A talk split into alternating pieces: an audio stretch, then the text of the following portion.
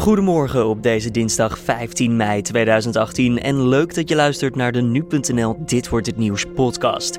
Mijn naam is Julian Dom en ik praat je deze ochtend bij over het nieuws van vandaag. Zo kijkt de bestuursrechter of het Nederlandschap terecht is afgenomen van vier veroordeelde jihadisten. Maar je paspoort vervalt ook van rechtswege. Dus dat betekent dat als je je meldt bij de grens, dat je paspoort uh, wordt ingenomen. En we blikken even vooruit op de tiende etappe van de Giro. Maar eerst kijken we kort terug naar het belangrijkste nieuws van afgelopen nacht. Robin van Persie komt ook volgend seizoen uit voor Feyenoord.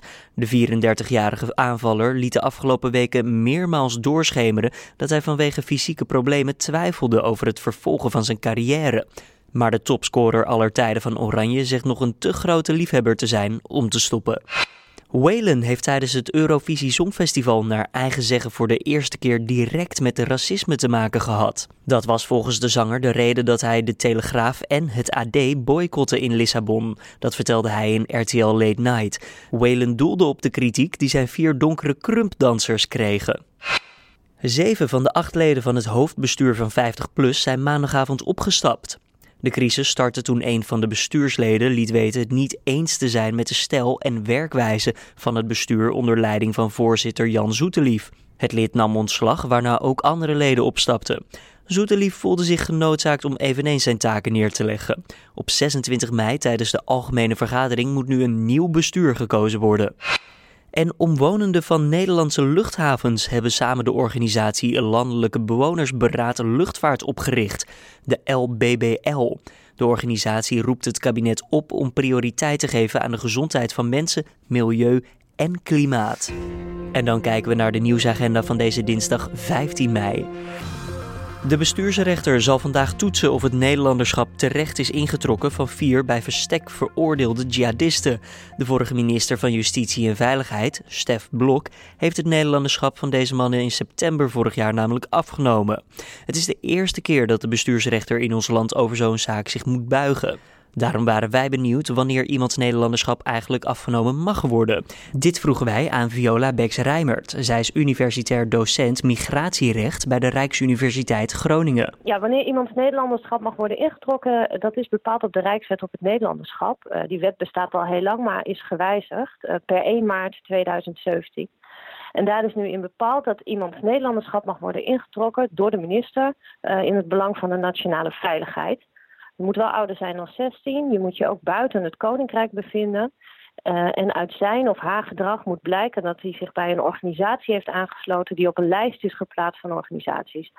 Um, en die organisaties die nemen dan deel aan uh, een internationaal gewapend conflict en uh, vormen een bedreiging voor de nationale veiligheid. Nou, die lijst is inmiddels vastgesteld en de organisaties die er nu op staan zijn Al-Qaeda en de organisaties die daaraan gelieerd zijn de islamitische staat in, uh, staat in Irak en Al-Sham. IS, IS dat en de organisaties die daarna gelieerd zijn. En Hayat Tahrir al-Sham. Daarnaast moet iemand ook nog een dubbele nationaliteit hebben. Uh, omdat als je uh, iemand zijn Nederlanderschap intrekt en hij heeft geen andere nationaliteit, dan wordt hij staatloos. En dat mag niet, want Nederland is verdrag bij het, partij bij het verdrag ter voorkoming van staatloosheid en het Europees verdrag in zaken nationaliteit.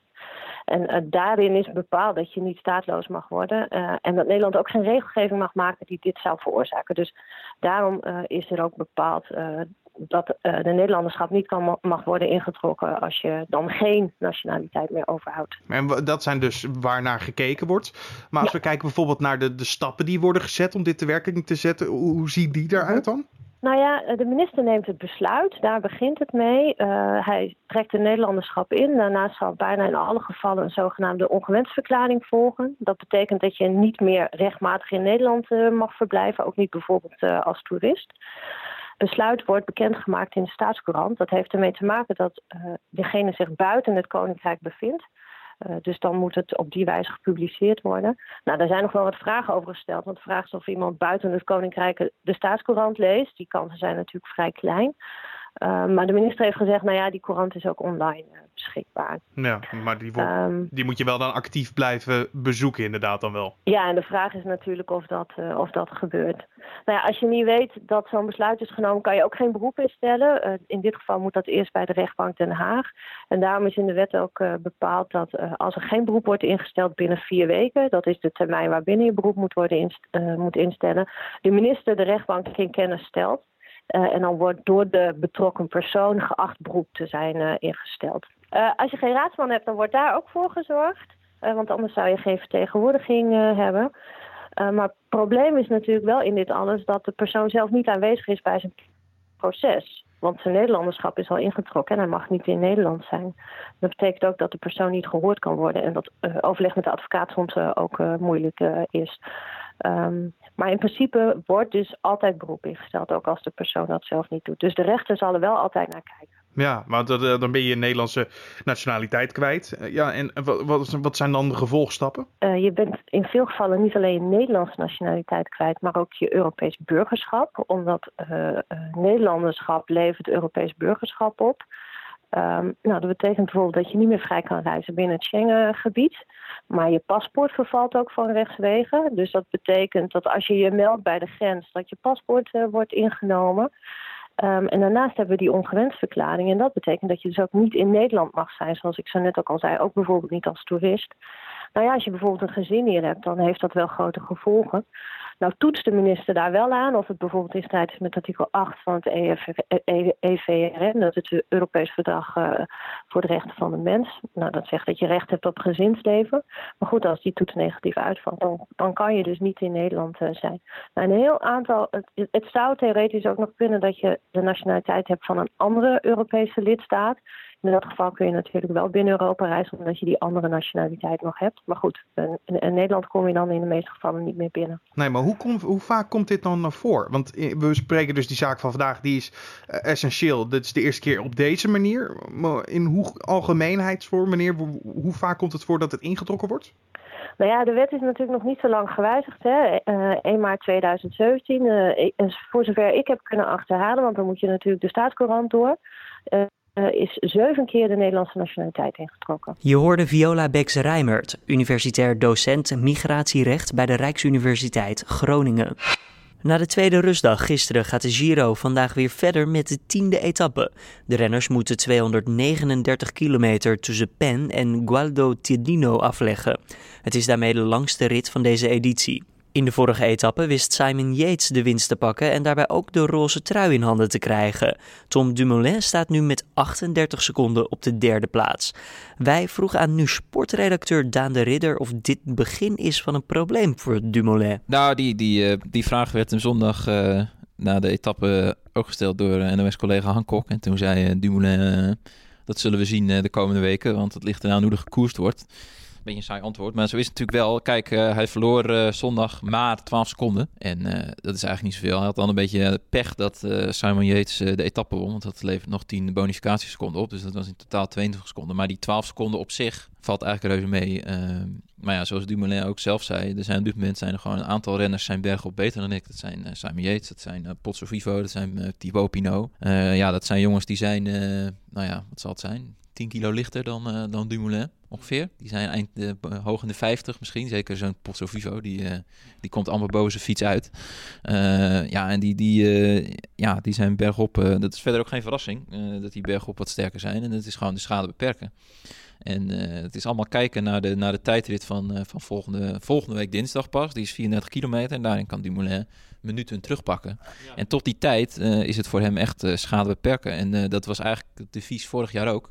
Alleen vorig jaar waren het 25 tijdritkilometers extra. En had hij daardoor meer uh, ruimte eigenlijk, uh, meer, ja, iets meer ademruimte om uh, te zeggen van ja, die tijd is, dan pak ik nog wat meer tijd terug.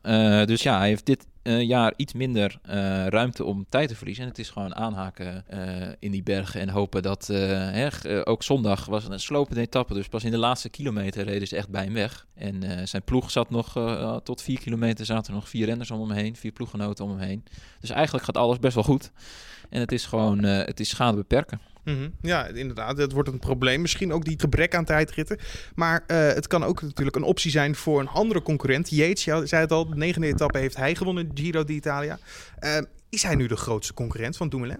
Oh ja, het lijkt me wel. Uh, Jeets rijdt vanaf de eerste dag in Jeruzalem. Ik weet nog dat ik daar stond te kijken op een groot scherm midden in Jeruzalem. En Simon Yates kwam binnen. We wisten allemaal wel dat hij een outsider of een misschien wel een van de favorieten voor de, voor de. Maar die reed daar echt een hele, hele goede tijdrit. Want hij is niet per se een tijdrijder. Maar ja, het was heuvelachtig en het was 10 kilometer. Dat lag hem blijkbaar goed. En daar verloor hij uh, niet zoveel tijd op, uh, op Dumoulin. En sindsdien uh, rijdt hij gewoon, heeft hij die lijn doorgezet. Hij rijdt gewoon heel sterk. Hij is bergop is hij, is hij de sterkste samen met misschien zijn ploegmaat Esteban Chavez. Hoe hij op de, op de, hoe op de Etna naar zijn ploegmaat Chavez reed, een gat van 20, 30 seconden in één, één klap dicht reed, ja, dat heeft niemand anders nog kunnen doen, deze, deze Giro. En op dit moment hij gewoon de sterkste. Maar ja, Yates heeft nog niet bewezen, en dat is altijd de vraag in een grote ronde, hoe doe je het in de laatste week? Hè? Dan, dan gaan alle inspanningen van die, van die twee weken daarvoor, die gaan tellen, de lengtes. We hebben etappes van 200 plus kilometer komen er nog aan ook.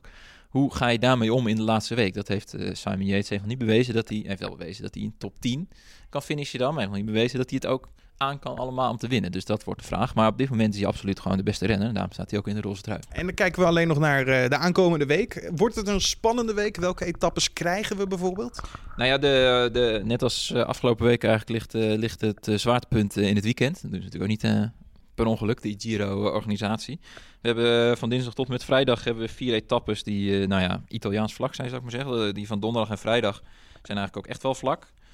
Uh, dus dat, uh, dat is waarschijnlijk weer uh, kansen voor Elia Viviani. Maar op dinsdag en woensdag is het Italiaans vlak. met, met, met toch nog wel wat klimwerk hier en daar. Zeker op woensdag, dan is er een finish op een, een heuvel van eh, een kleine 2 kilometer lang met een maximale stijgingspercentage van 16%. Dus daar moet je ook als klasse, klassementsrenner heel erg opletten. Dan kun je zomaar weer seconden verliezen. Maar waar het echt om gaat zijn de, zijn de etap, etappes in het weekend. En op name zaterdag. Dan gaan ze de beruchte Monte Zoncolan op. een van de zwaarste bergen die er bestaat in Europa. Gemiddeld 11 procent. Ja, dus, dat is bizar. Een berg is normaal 6, 5, 7 procent. En Zoncolan is ja, 11 procent maximum 22 procent. Het is, uh, ja, dat is, uh, het is zo stijl dat daar alleen uh, een paar motoren achter de, achter de wielrenners aan mogen. Dat worden prachtige beelden, maar dat is, ja, dat, dat is misschien wel de zwaarste etappe van deze ronde. En dan zullen we echt weten hoe alles ervoor staat. Je hoorde nu sportredacteur Daan de Ridder. De Ramadan begint vanavond. Tijdens deze vaste maand mogen moslims niets eten en drinken tussen zonsopgang en zonsondergang. Met het vasten, een van de vijf religieuze verplichtingen voor moslims, gedenken zij dat de profeet Mohammed de eerste van zijn openbaringen ontving. Dit jaar valt de Ramadan voor het eerst ook samen met de eindexamens.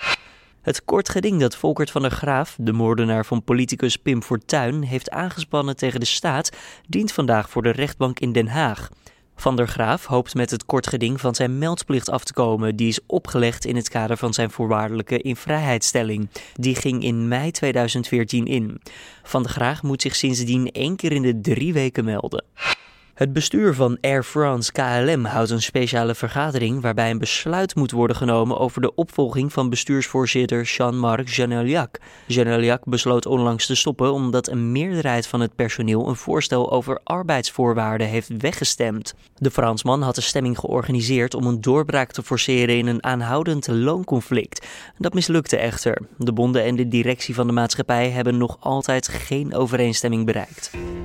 Dan kijken we naar het mediaoverzicht voor deze dinsdag. Het kabinet gaat de verkoop van rookvrije sigaretten aan banden leggen. Het gaat om apparaten waarmee gebruikers de damp van verhitte tabak inhaleren, dat schrijft het AD. Op dit moment is er nog maar één zo'n apparaat te koop. Samen met apart te kopen reepjes tabak wordt het apparaat vervolgens gebruikt. Het kabinet komt met verpakkingseisen, een leeftijdsgrens van 18 jaar en een reclameverbod om de verkoop van dergelijke tabaksverhitters te beperken. De aanleg van zonneparken wordt gemakkelijker omdat alleen een tijdelijke vergunning nodig is. Dat geldt volgens de Volkskrant ook voor de aanleg van een zonnepark van tientallen hectares. Op basis van een vergunning voor maximaal 10 jaar heeft de Raad van State de bouw goedgekeurd van een zonnepark in Koevoorde, dat zo'n 25 jaar moet blijven bestaan. Met dezelfde tijdelijke vergunning kon ook een subsidie van 12,9 miljoen euro worden aangevraagd. Het gaat hierbij om een zogeheten kruimelvergunning, die eigenlijk voor kleinschalige ingrepen, zoals bijvoorbeeld een dakkapel is bedoeld, maar ook kan worden afgegeven voor ander gebruik van gronden. Een groot zonnepark valt daar nu dus ook onder. Dan het weerbericht voor deze dinsdag 15 mei. Het wordt weer een zonnige en droge dag met enkele voorbijtrekkende wolken. De temperatuur ligt tussen de 22 en 25 graden. En dan nog even dit. De wederopbouw van Sint Maarten maakt indruk op premier Mark Rutte, dat schrijft de Telegraaf. Rutte is momenteel op bezoek op het eiland, een plek die het vooral moet hebben van toerisme. En om die wederopbouw te helpen stelt de premier dat het weer tijd is om een vakantie te boeken naar Sint Maarten. Dit was dan de Dit wordt het nieuws podcast van deze dinsdag 15 mei op nu.nl. Je vindt de podcast maandag tot en met vrijdag om 6 uur ochtends op onze voorpagina. En vond je het een leuke podcast, laat het dan even weten via een recensie op iTunes of stuur een mail naar redactieapenstaartje nu.nl. Voor nu, tot morgen.